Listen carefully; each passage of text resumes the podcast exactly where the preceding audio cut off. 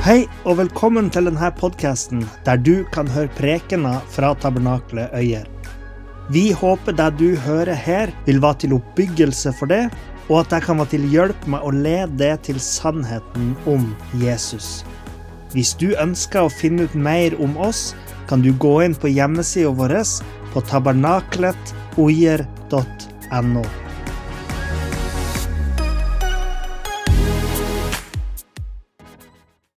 Yes.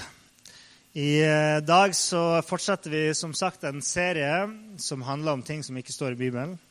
Eh, det står ikke i Bibelen. Som handler om misforståelser om hva som står i Bibelen, om hva det vil si å være en kristen, eh, og, og misforståelser omkring hvem Gud er. Og Som vi ser på det bildet bak her, så står jo tittelen. Uh, og Poenget med det bildet er jo at det er noen som har misforstått og har prøvd å viske ut ikke å si at noe står i Bibelen som egentlig ikke står der. Og Derfor så prøver vi å ta tak i noen sånne uh, relevante og aktuelle um, misforståelser, misoppfatninger, for å forstå hva Bibelen egentlig sier i møte med nettopp de her misforståelsene. Og dagens overskrift er 'Åndens gaver var kun for de første kristne'. Og Dette er jo en misforståelse som kanskje ikke alltid uttrykkes sånn som den er formulert eh, på tavla bak her. Og den kan noen gang finnes i mange kristne litt mer ubevisst. Eh, og Samtidig så blir det faktisk undervist av noen teologer rundt omkring i verden og, eh, og det finnes òg forkynnelse ikke sant, eh, rundt omkring i, i vårt ganske land eh, som er helt eh, uten eh, ord om eh, at Ånden er for oss i dag. Kanskje fordi at presten eller forkynneren som taler om, eller som har forkynnelsen, han tror kanskje ikke helt på de åndelige gavene sjøl, eller han er usikker på hva det egentlig betyr for oss. Og når man har undervisning og forkynnelse fra teologer og prester og forkynnere rundt omkring eh, som både motsier eh, det som står i Bibelen, og som eh, ikke tør å undervise om det pga. usikkerhet eh, rundt det, så ender man opp med et kristenfolk som heller ikke tror eh, hva Bibelen sier, fordi de aldri har hørt om Den hellige ånds nådegaver og den mirakuløse krafta som Bibelen sier at vi kan oppleve i dag. Alle kristne er enig i noen felles trosbekjennelser som er noen enkle formuleringer av de mest sentrale aspektene ved vår tro. Eh, nemlig at vi tror på en treenig Gud, som er Gud Fader, Gud Sønn og Gud Den hellige ånd. Men pga. mistro og mangel på forståelse av hvem denne tredje personen i treenigheten er, altså Den hellige ånd, og hvordan vi skal forholde oss til ham, hvordan han faktisk virker i vårt liv, så blir denne bekjennelsen kanskje litt ja, For noen i hvert fall, så blir den litt mer sånn her Vi tror på Gud Fader, eh, himmelens og jordens skaper. Og vi tror på Jesus Kristus, Guds sønn. Vi er kanskje litt mer usikre på Den hellige ånd. Amen. Fordi man har ikke helt grepet en usynlig kraft liksom, som ikke alle har, har, kanskje opplevd i sitt eget liv. Og da blir det mer vanskelig å forstå hva det er for noen ting. Og Jeg er sikker på at vi finner mange folk her i Øyer òg eh, som kaller seg sjøl kristen, eh, i hvert fall som bruker det ordet om seg sjøl, eh, som sier at de tror på en eller annen gud der ute, men som synes at du er fryktelig rar som pinsevenn som tror på helbredelser, på profetier, på tungetale og de her mirakuløse gavene. sant?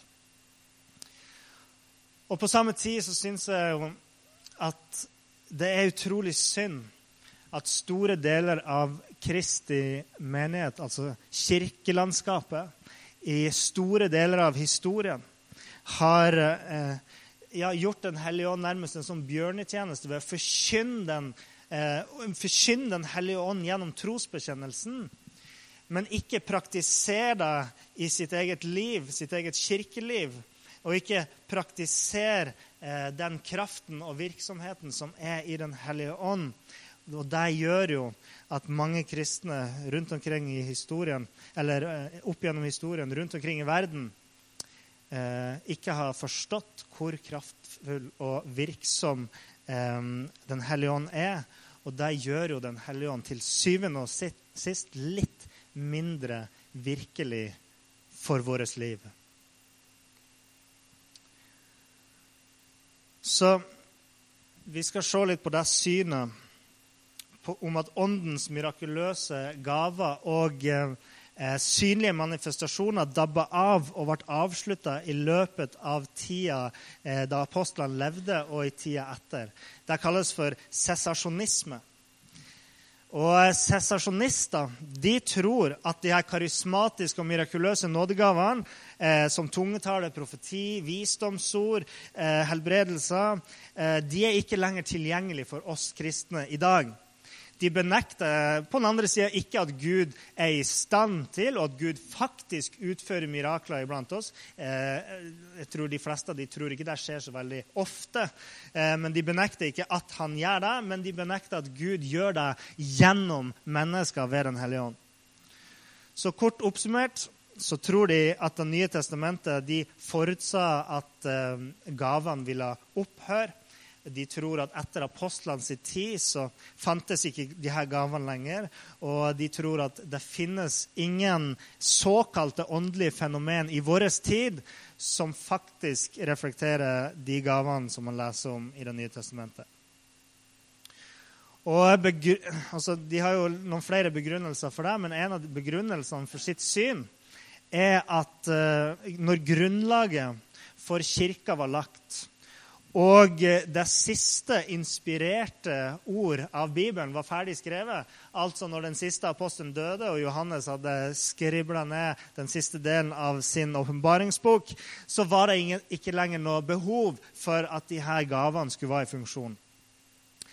Med andre ord så tror de at de her gavene, de her mirakuløse eh, åndsgavene, de hadde kun ett bestemt formål i én bestemt periode i historien, som var å overbevise mennesker om evangeliets sannhet, sånn at folk kunne tro på Guds inspirerte ord. Og da holdt det, mener de. Når vi nå har Bibelen overlevert til oss, og vi kan lese om de åndelige manifestasjonene eh, og miraklene i Bibelen, så trenger vi jo ikke å se dem av våre egne øyne. Sant? Vi trenger jo bare å tro på Bibelens vitnesbyrd om at det har skjedd en gang. Sånn tenker de. Er dere med? Ok. Og denne læren fins jo ikke i Bibelen. Det er jo ikke en, en Bibel, noe som man henter ut av Skrifta. Men det kan jo være flere årsaker til at den har oppstått. Eh, for det første så kan det være som jeg nevnte i sted, til dels det at Kirken har eh, svikta i sitt oppdrag om å leve ut eh, og være det åndelige fellesskapet og det vitnet om Jesus som Jesus og apostlene ønska og befalte at kirka skulle være. Fordi det her fører jo igjen inn en slags ond sirkel, der mennesker som har eh, hatt et helt genuint ønske om å være en sann disippel av Jesus, som har hatt en ekte tro på Bibelen, aldri har hørt snakk om eller hatt noen åndelige fedre eller mødre som har undervist dem om de her tingene, som har ført dem eh, inn i en situasjon der de rett og slett ikke kjenner til det eh, og tror ikke at det er relevant. Og I tillegg til de to tingene så kan det være fordi at man aldri har sett Åndens gave i funksjon personlig. Og på grunnlag av sin personlige erfaring, eh, eller rettere sagt mangel på personlig erfaring, så avskriver man gavenes virkelighet. Det motsatte kalles for kontinuasjonisme. Og eh, i vår menighet så tror vi at uh, uavhengig av Kirkens tradisjoner og tidligere praksis, uavhengig av hver enkelts mangel på personlige erfaringer av de her karismatiske gavene, så tror vi det Bibelen sier om de her gavene. Og denne læren heter som sagt kontinuasjonisme. Og eh, hvis dere tror at disse gavene er tilgjengelige for oss og virksomme i dag, så er dere kontinuasjonister. Så det kan hende dere lærte noe nytt om dere sjøl i dag. Så hva sier Bibelen, eh, eller hva sier vi først og fremst, til disse påstandene om at åndens gaver var kun for de første kristne. Hvordan responderer vi som kristne til den påstanden? Hvis vi begynner å se på noen historiske vitnesbyrder fra tida etter at den bibelske skrift var ferdig skrevet, eh, så kan vi se at antallet rapporterte mirakler faktisk økte utover de århundrene som fulgte eh, den første kirken. Vi skal høre på Justin Martyr, han skrev jo ca. år 150.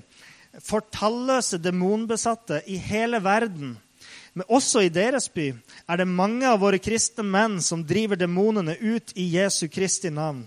De har helbredet og helbreder og gjør demonene hjelpeløse og driver de besettende åndene ut av folkene, mens de ikke kunne bli kurert av noen av de andre eksorsistene eller de som bruker besvergelser og legemidler.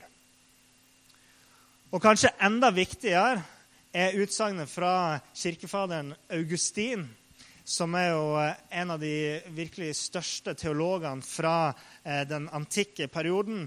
Han levde fra 350 til 430 ca. Eh, fordi Augustin, i tillegg til å være en stor teolog, så, så var han i utgangspunktet veldig skeptisk til mirakler og det mirakuløse. Eh, sånn var han i sin tidlige tid som, som kristen. Men så skrev han seinere En gang innså jeg hvor mange mirakler som skjedde i våre egne dager, og som var så like de miraklene fra gammel tid, og også hvor galt det ville være å la minnet om disse vidunderne av guddommelig kraft forsvinne fra vårt folk. Det er bare to år siden begynnelsen av journalføringen ble påbegynt her i Hippo, og allerede idet jeg skriver dette, så har vi nesten 70 dokumenterte mirakler. Så vi ser at vi har, eh, og Dette er bare to eksempler, men det finnes mange vitnesbyrd og skriftlige kilder på at miraklene fortsatte innad den, i den kristne kirka eh, etter apostlenes tid. Så hvorfor er det noen kristne som har problemer med å tro på alle de her vitnesbyrdene fra våre tidlige søstre og brødre? Ja, en av de få grunnene jeg kan se for meg at uh, noen aksepterer Bibelens vitnesbyrd om mirakler der, men de er fullstendig mistroisk når, uh, når kristne de fortsatte å fortelle om at mirakler skjedde etter apostlene, det er at man har to eh, forskjellige tilnærminger til det her i utgangspunktet. Altså, I utgangspunktet så tror du at mirakler kun skjedde i bibelsk tid. og Derfor så kan ikke mirakler ha skjedd i tida etter. Og man kan aldri tro på vitnesbyrd utafor Bibelen fordi mirakel kun skjedde i den bibelske tid. ikke sant? Så Derfor kan vi aldri tro på de andre. Um, og nå er det jo ikke sikkert Jeg sier ikke det at hvert enkelt mirakel som har blitt rapportert opp gjennom historien, nødvendigvis er sann. For det er mange rare mirakel òg, som jeg, jeg, tror er litt mer sånn overtro enn kanskje faktiske mirakel. Um, men det trenger ikke å bety at vi må være fullstendig mistroiske til hvert enkelt tilfelle. Spesielt ikke når man leser om mirakel som er fullstendig i tråd med de miraklene man hører om i Bibelen. Uh, om ikke annet så forteller de her historiske kildene oss at i de århundrene som fulgte etter apostlene, så opplevde mange kristne Uavhengig om at alle miraklene var sanne eller ikke, så opplevde de kristne at mirakler skjedde midt iblant de, Hvilket betyr at de, eh, i de første århundrene av kirka så trodde de kristne ikke at gavene skulle ta slutt.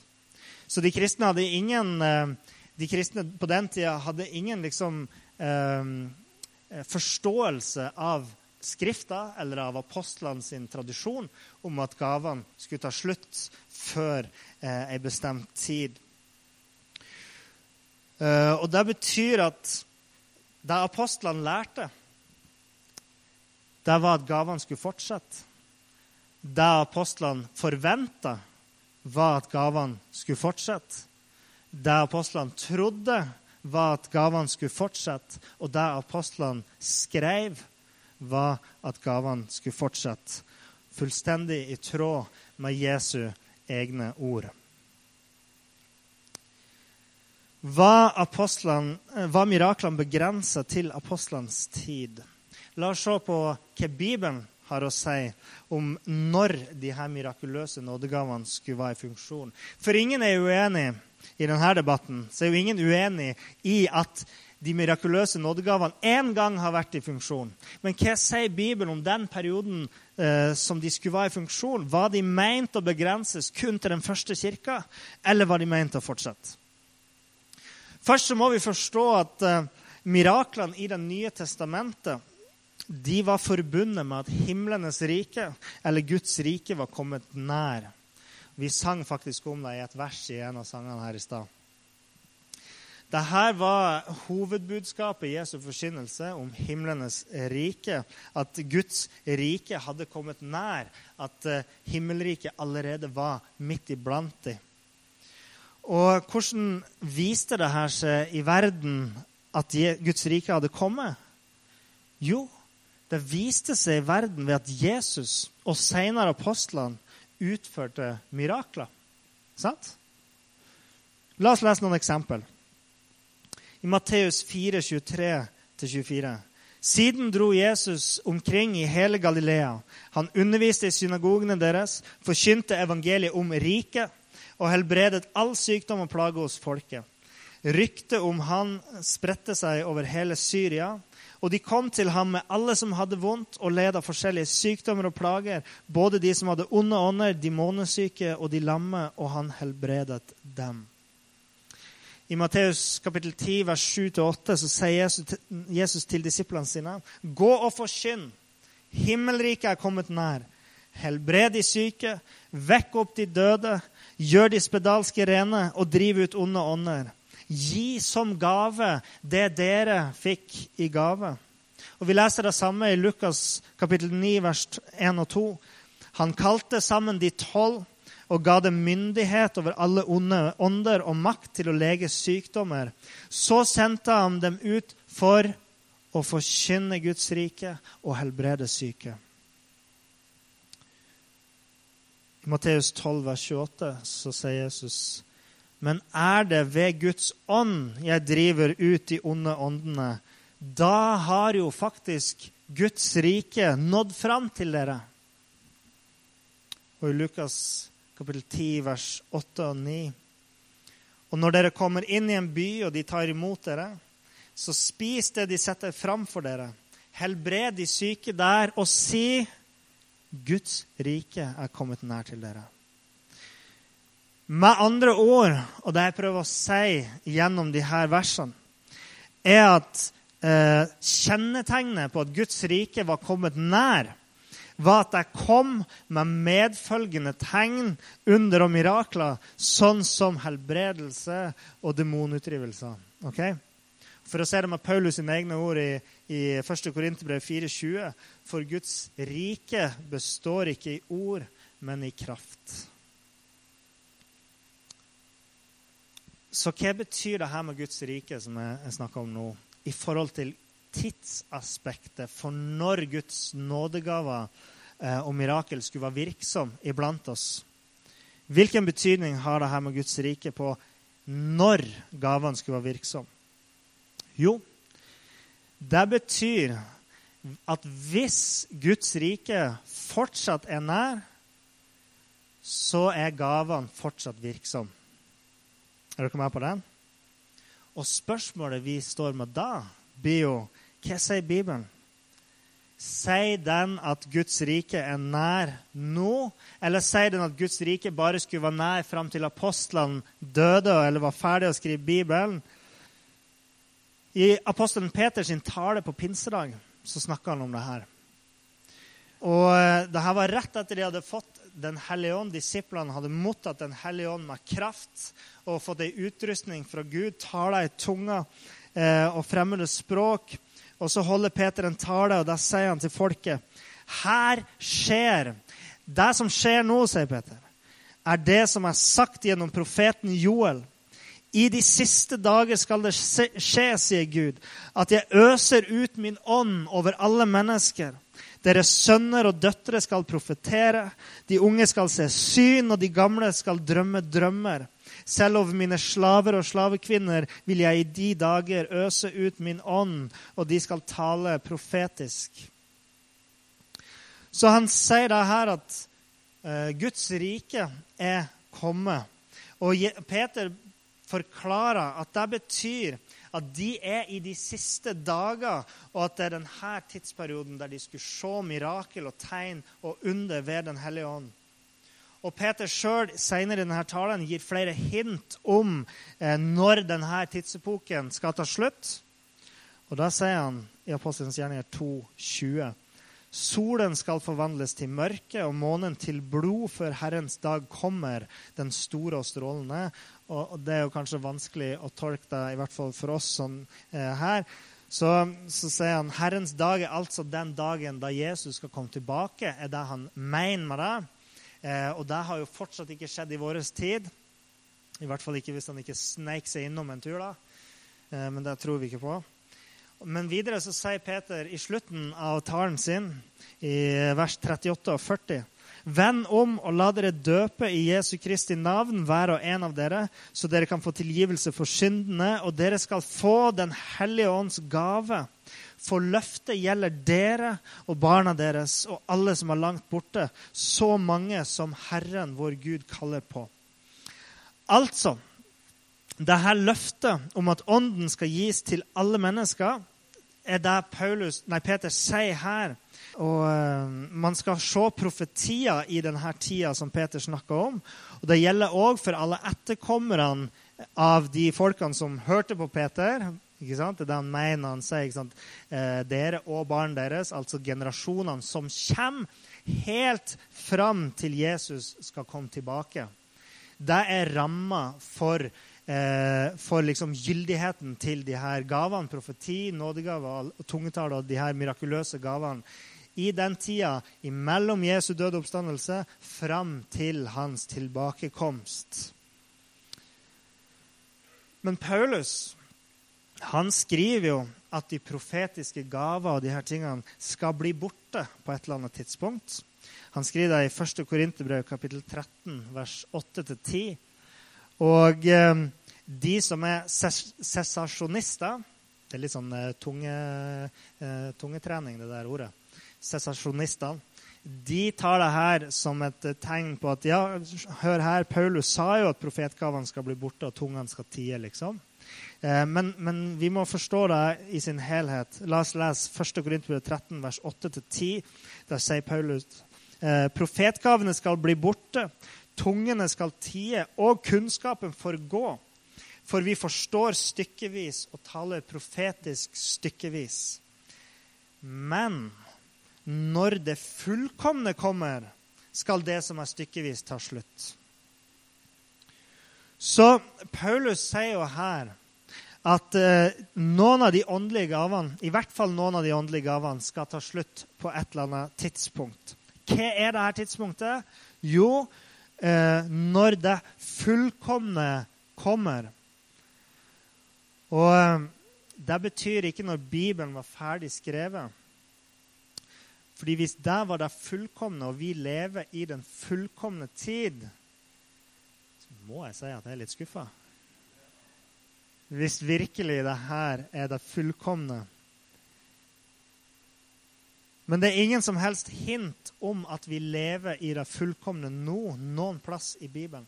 For det er først når Herren kommer tilbake, at det her skal finne sted. Og det kommer ved verdens ende. Da vil verken tungetallet, helbredelser, profetier eller kunnskapsord eller de her tingene, de vil ikke lenger være nødvendig. For det gir oss fortsatt bare bruddstykker av det som vi har fått av Gud. Men når det fullkomne kommer, så trenger vi ingen flere bruddstykker av åpenbaring om hvem Gud er, for da er vi hjemme hos Gud i hans nærvær. Det betyr at vi lever fortsatt i denne tida som Peter og Paulus snakker om, i tida der vi allerede nå kan få en forsmak på Guds rike. Det som skal komme for fullt når Jesus kommer tilbake.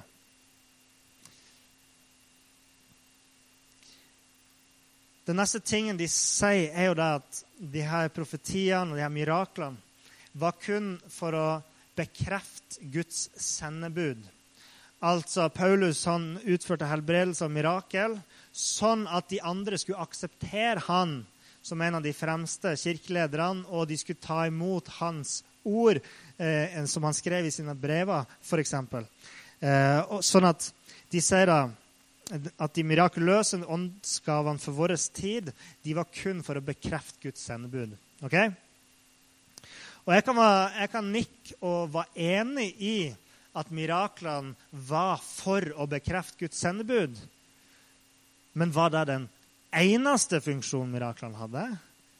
Det er et annet spørsmål. Hvem av alle de miraklene vi leser om i Det nye testamentet, f.eks.? var de kun for å bekrefte autoriteten til de som var sendt av Gud. Eh, en som heter Michael Brown, han skriver om det her i, i boka si som heter 'Authentic Fire', eller på norsk 'Autentisk ild'. Og skriver at problemet med denne typen argumentasjon er det faktum at eh, den som Jesus var, er fortsatt det, den som Jesus er for oss i dag ved Den hellige ånd og at mesteparten av miraklene hadde ingen eh, konkret bekreftelsesfunksjon. De var ikke ment som eh, konkret som tegn, sånn som eh, miraklene foreligger for oss i evangeliene. Eh, han oppgir fire grunner for det.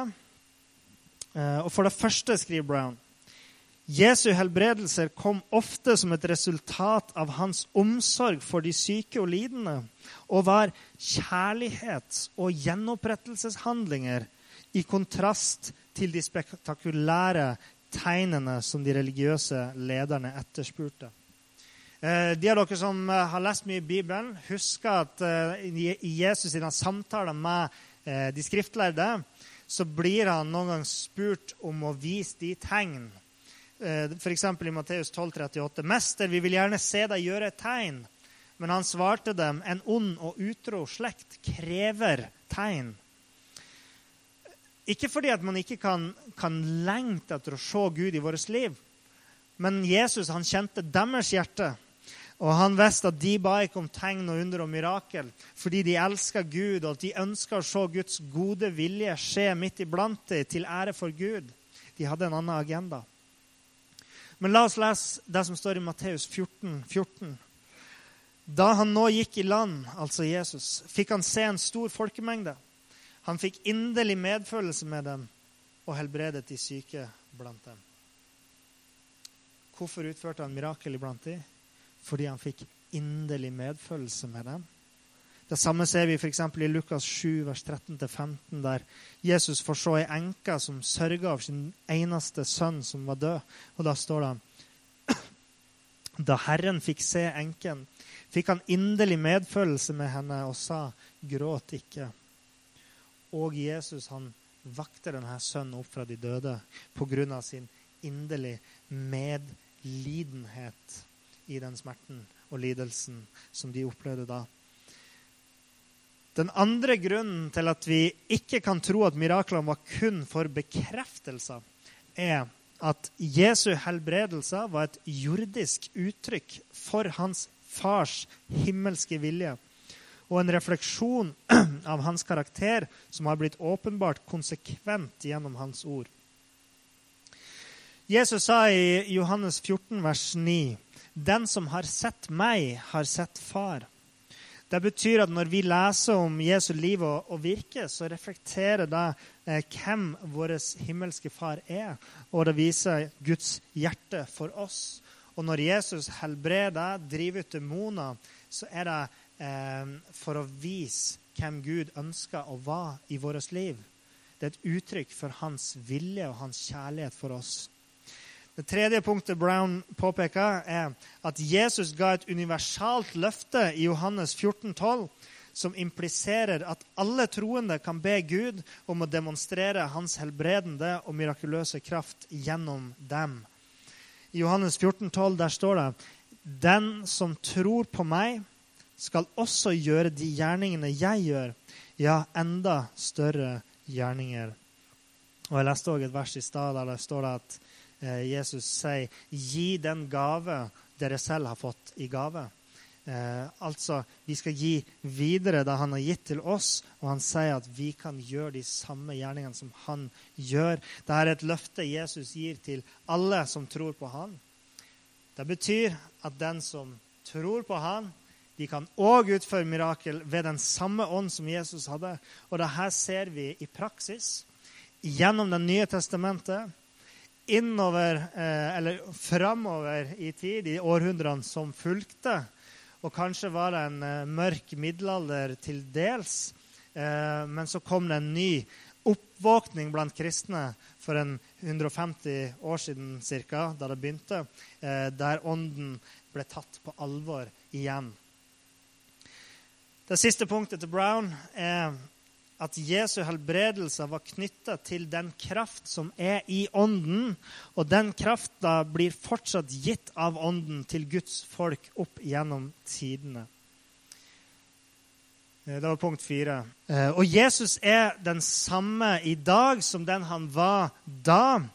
Eh, og hvis den samme ånd som virka gjennom Jesus da, er virksom i oss i dag, så kan vi forvente å se eh, de samme tegn og under i vår tid.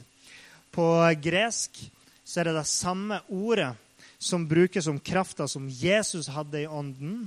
Det er det samme ordet som brukes som eh, krafta som disiplene mottar fra Jesus.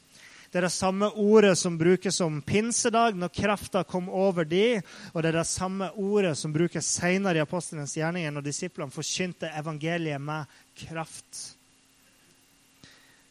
Så det vi vet ut fra Bibelens vitnesbyrd om hva som var miraklene sin funksjon, er at de var ikke der kun til stede for å bekrefte Guds sendebud, sjøl om ja, det var og er fortsatt en del av deres funksjon.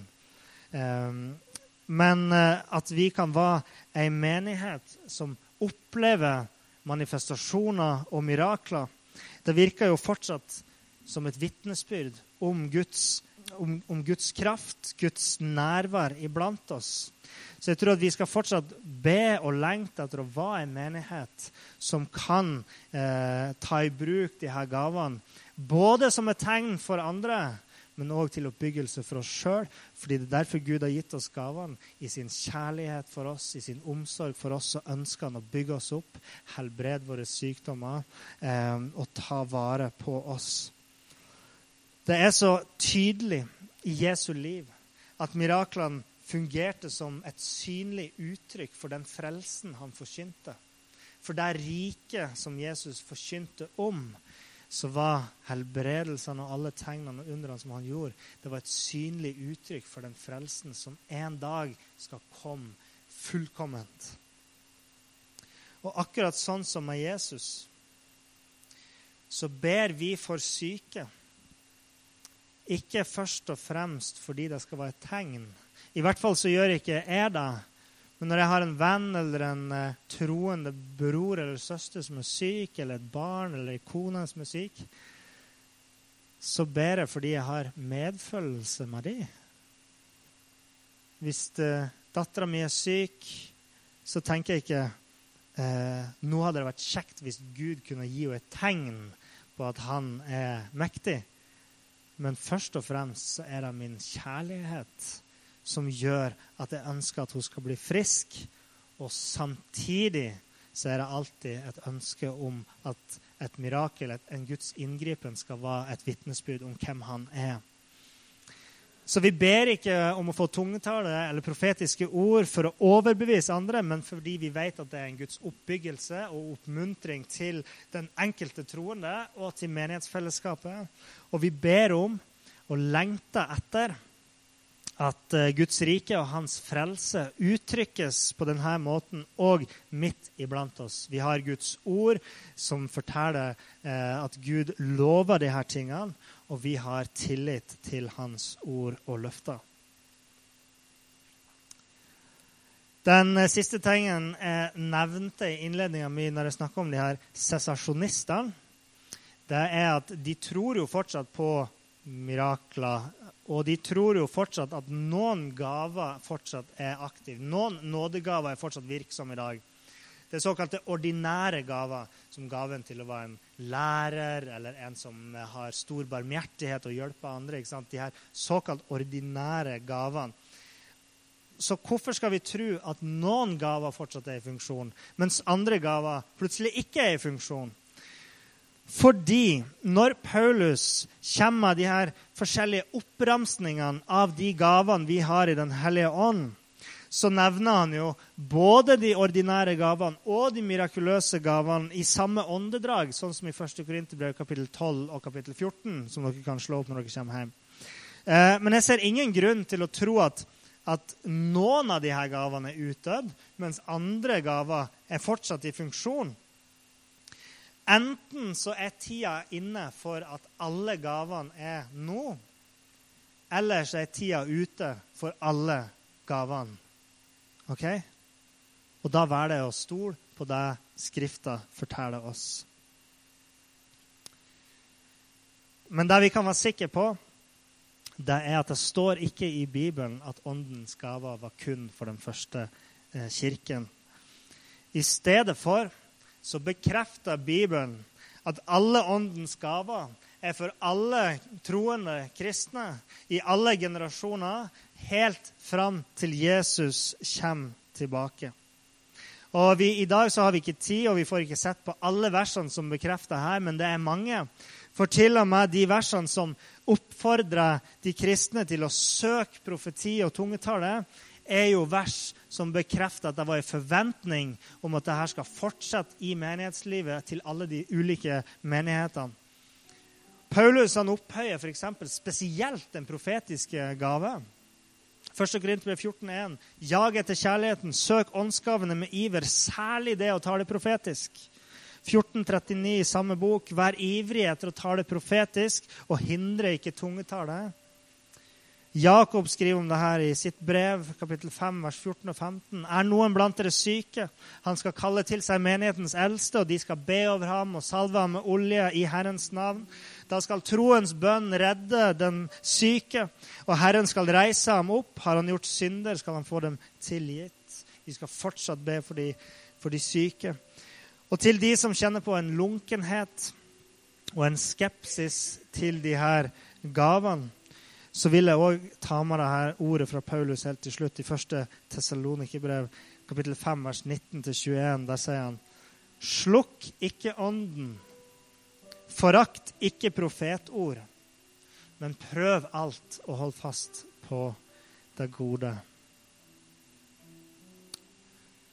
Jeg tror virkelig at uh, de her gavene er for oss i dag.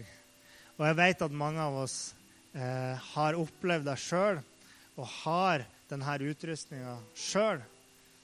Eh, og på bønnemøtene så ber vi ofte la oss se enda mer av de gavene du har lova oss i vår menighet.